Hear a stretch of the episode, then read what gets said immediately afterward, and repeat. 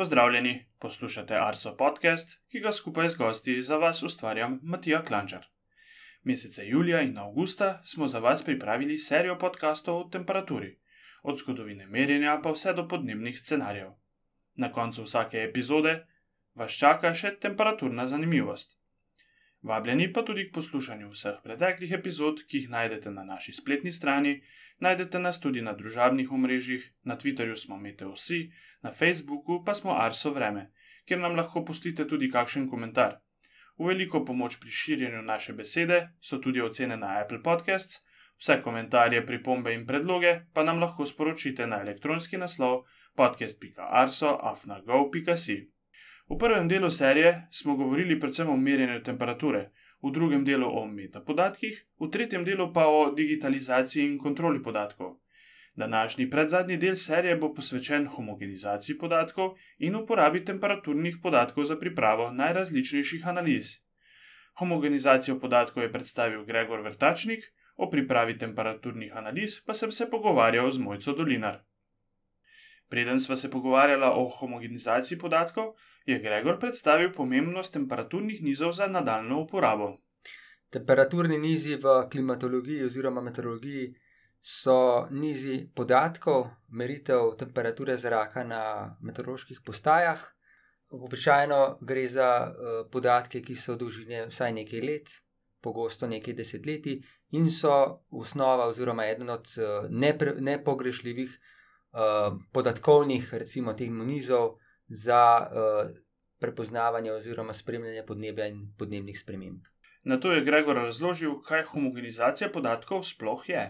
Homogenizacija podatkov je poseben postopek, eh, ki je zlasti značilen za klimatologijo, uporablja se tudi v nekaterih drugih naroslovnih vedah. Eh, gre pa za to, da imamo običajno na meteorološki postaji eh, take in drugačne spremembe skozi daljše obdobje.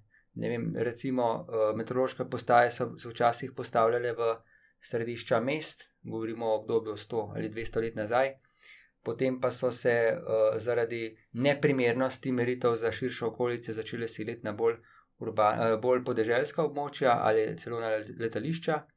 Uh, hkrati je, ko je kakšen opazovalec umrl, se je postaja preselila v kakšen sosednji kraj, mogoče spremenila samo nadmorsko višino, uh, se je zamenjal drug opazovalec pri tisti hiši.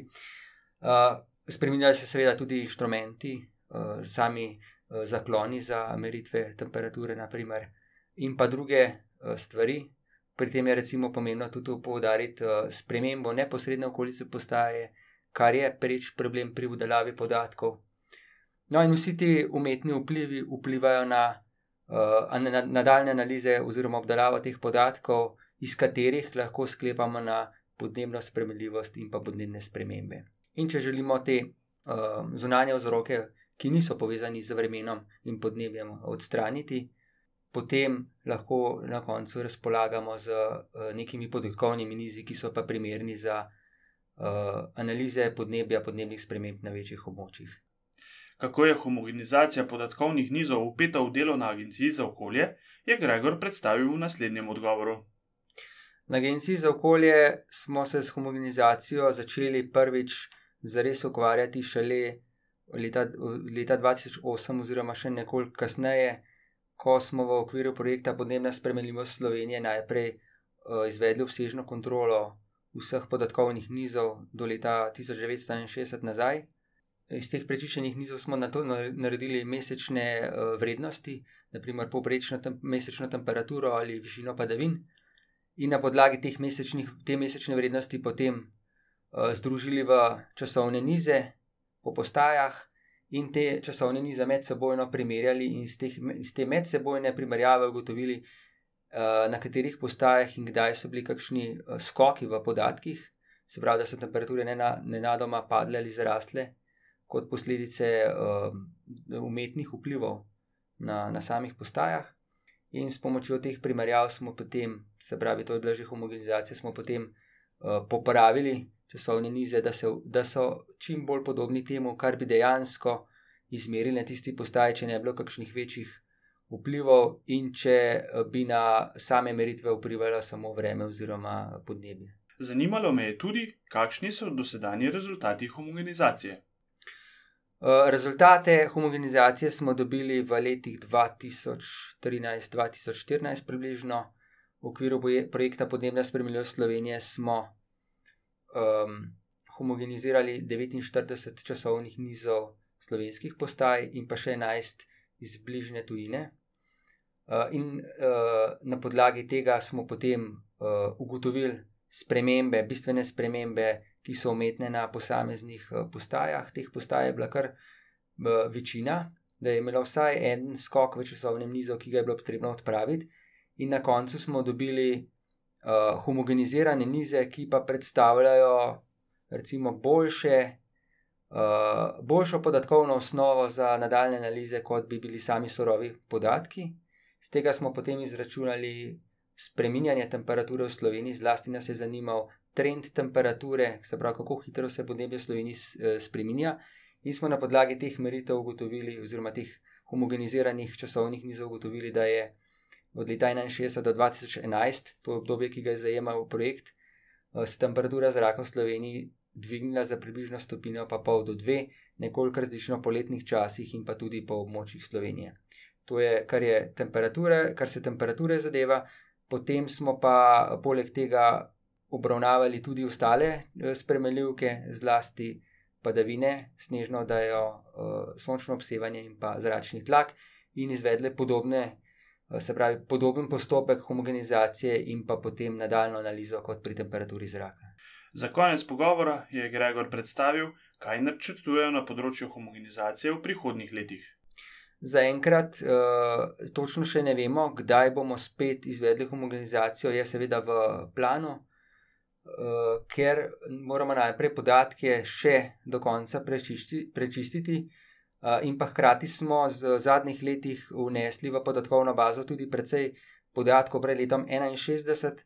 Načrtujemo, da bomo v naslednjem ciklu, predvidoma v letu ali dveh, homogenizirali časovne nize še za daljše obdobje, nekako od leta 48 do 2018, mogoče kakšno leto več.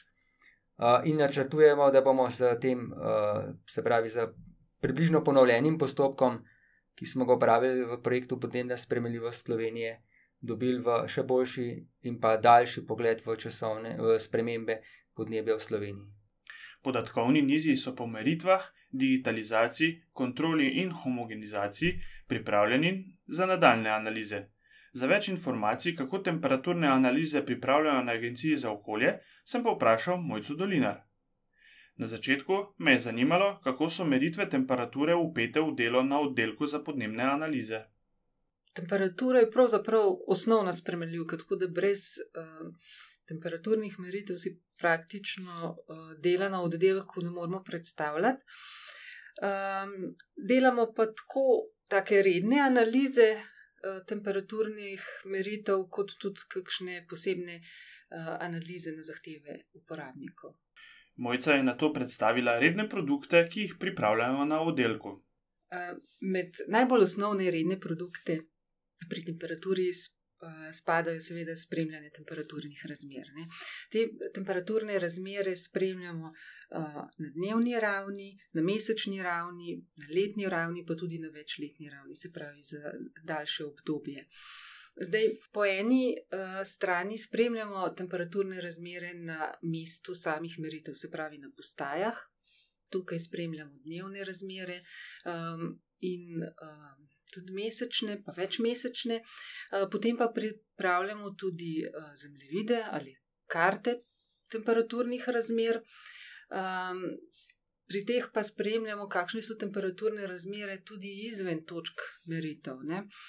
Um, in pri vseh teh spremljanjih uh, gledamo tako absolutne vrednosti temperature, ker za nekatere uporabnike so zelo pomembne, tiste konkretne temperature, imamo 12-13 stopinj in tako naprej. Um, v podnebju pa veliko krat spremljamo tudi odstopanje od nekih povprečnih ali pa običajnih vrednosti, rečemo. Uh, se pravi, koliko pa določene razmere ali mesečne temperature odstopa od nekega povprečja, ki je za ta mesec značilno. Um, Potem spremljamo pa tudi trende, ne, vsaj v tem uh, obdobju, ko veliko govorimo o podnebnih spremembah, so predvsem pri temperaturi, ki je ena od teh spremenljivk, ki se zelo močno spremenja, um, glede na podnebne spremembe, spremljamo trende tako temperature, vseh njenih ekstremov, se pravi minimalne, maksimalne temperature, pa tudi trende v posameznih kazalnikih. Lahko kaj več poveš o teh kazalnikih?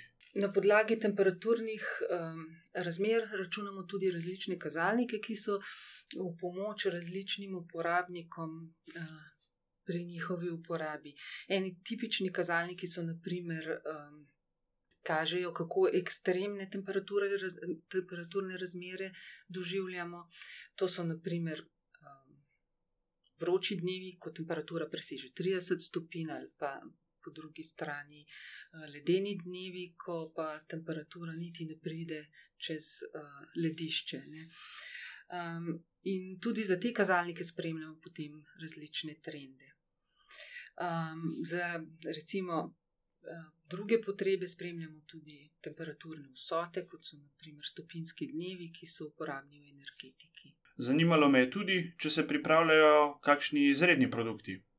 Sveda, pripravljamo tudi izredne produkte, take, ki, jih, uh, ki niso tako običajni, da bi jih um, dnevno spremljali ali mesečno spremljali. Večinoma so pa ti izredni produkti povezani z izrednimi vremenskimi razmerami, ki so seveda povezani s temperaturnimi ekstremi.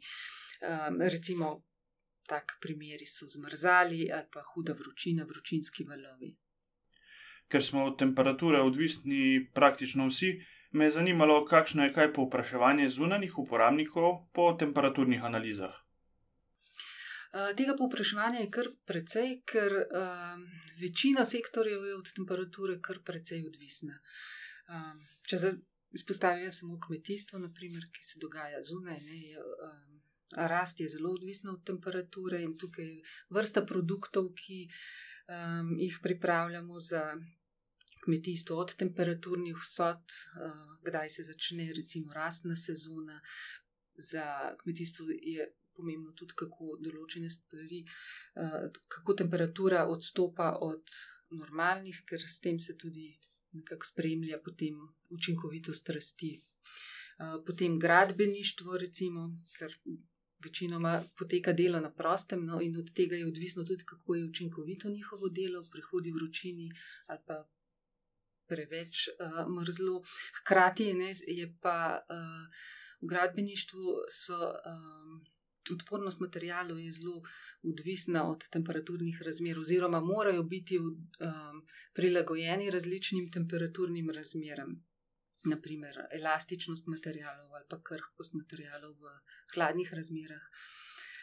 Energetika je prav tako zelo odvisna od temperaturnih razmer, po eni strani, recimo, koliko um, energije porabimo za ogrevanje ali pa hlajenje, uh, po drugi strani pa tudi imamo celo pravilnik o učinkoviti rabi energije, ki uh, uporablja temperaturne razmere za določanje, recimo, kakšna mora biti uh, najbolj učinkovita izolacija, naprimer na zgradbah.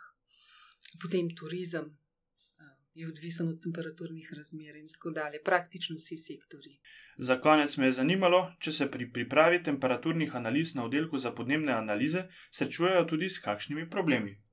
Uh, temperatura je pravzaprav um, kar konzervativna spremenljivka, lahko rečemo. Se pravi, precej uh, enostavna za analize, obstajajo pa seveda tudi situacije, v katerih pa imamo težave pri analizih temperatur. To je predvsem, um, kadar imamo temperaturne obrate. Takrat v Sloveniji, ki, kjer imamo kar precej kompleksen teren, nastajajo jezera hladnega zraka z zelo velikimi gradienti, se pravi, spremembami temperature na zelo majhnem območju. Ne. Eh, in te situacije so pa pogosto tudi povezane z mrzalnimi, takrat pa moramo določiti čim, bolje, čim bolj natančno temperaturo, tudi na območjih, kjer nimamo meritev. Um, in s to mrežo, ki jo trenutno imamo, oziroma nikoli ni v takih situacijah mreža dovolj gosta, da bi lahko zelo natančno določili temperature, in takrat si pomagamo tudi s kakšnimi drugimi meritvami ali pa satelitskimi posnetki, um, da pravimo čim bolj natančno določiti potem uh, prostorsko porazdelitev temperature. Temperaturni podatek smo tako pripeljali skoraj do konca. Najprej smo temperaturo izmerili s termometrom, na to smo podatku pripisali bistvene metapodatke, da je sama temperatura dobila smisel. Temperaturo smo upisali v bazo in preverili, ali je pri meritvi morda prišlo do kakšne napake. Daljši časovni niz vrednosti temperatur smo na to preverili, če je v njem prišlo do kakšnega umetnega skoka in ga uspešno odstranili. Začeli pa smo se ukvarjati tudi z analizami podatkov. Za konec nas čakajo še podnebni scenariji in modeli za napovedovanje vremena. Več o teh dveh temah pa v zadnji epizodi serije o temperaturi. Seveda pa nismo pozabili na temperaturno zanimivost. Tokrat je zanimivo situacijo pripravil sogovornik iz začetka oddaje Gregor Vrtačnik. Če nam je letos poleti vroče, vas bo sigurno naslednja vremenska situacija malce ohladila. Časovni stroj nas odpelje nazaj v januar leta 1967. Noč 11. januarja 1967 je bila večinoma zelo mrzla in jasna. Našo deželo je prekrivala snežna odeja. Zjutraj se je pooblačilo, ponekod je zapihal veter in večinoma spihal hladni zrak, ki se je zadrževal nad našimi kraji. Ob sedmi uri zjutraj smo tako izmerili zanimive vrednosti temperature. Postaji Rakitna in Babno polje sta oddaljeni približno 30 km. Zjutraj smo na Rakitni izmerili minus 4,2 stopinje Celzija, medtem ko je bilo na Babnem polju kar minus 28 stopinj Celzija.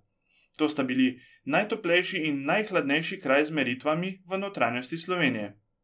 Izredno velike razlike smo iz izmerili tudi na naslednjih postajah. V celju je bilo minus 21,2, v Šentgotardu minus 7,3 stopinje Celzija. Na Pragerskem je bilo minus 22,4, šmartno na Pohorju pa se je ogrelo do minus 7,4 stopinje Celzija. Jezera hladnega zraka so se marsikje po nižinah obdržala tudi čez dan, zato smo tudi ob 14. uri namerili nekaj zanimivih razlik, praktično na sosednjih postajah. V Kočevju je tako bilo minus 9,2 stopinje Celzija, v novih selah pri Kočevju pa se je ogrelo do stopinje Celzija nad ničlo. Na Pragerskem je bilo minus 10,2, v slovenskih konicah pa malce nad ničlo.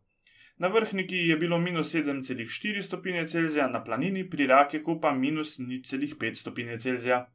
Opazimo seveda, da se lahko na majhnih razdaljah temperatura pri tleh zelo spreminja. Tukaj je potrebno poudariti, da je za pripravo temperaturnih analiz zelo pomembno imeti dovolj gosto mrežo opazovalnih postaj. Nekaj o tej temi pa smo danes že slišali na koncu pogovora z Mojco Dolinar. Današnjo epizodo smo tako uspešno pripeljali do konca.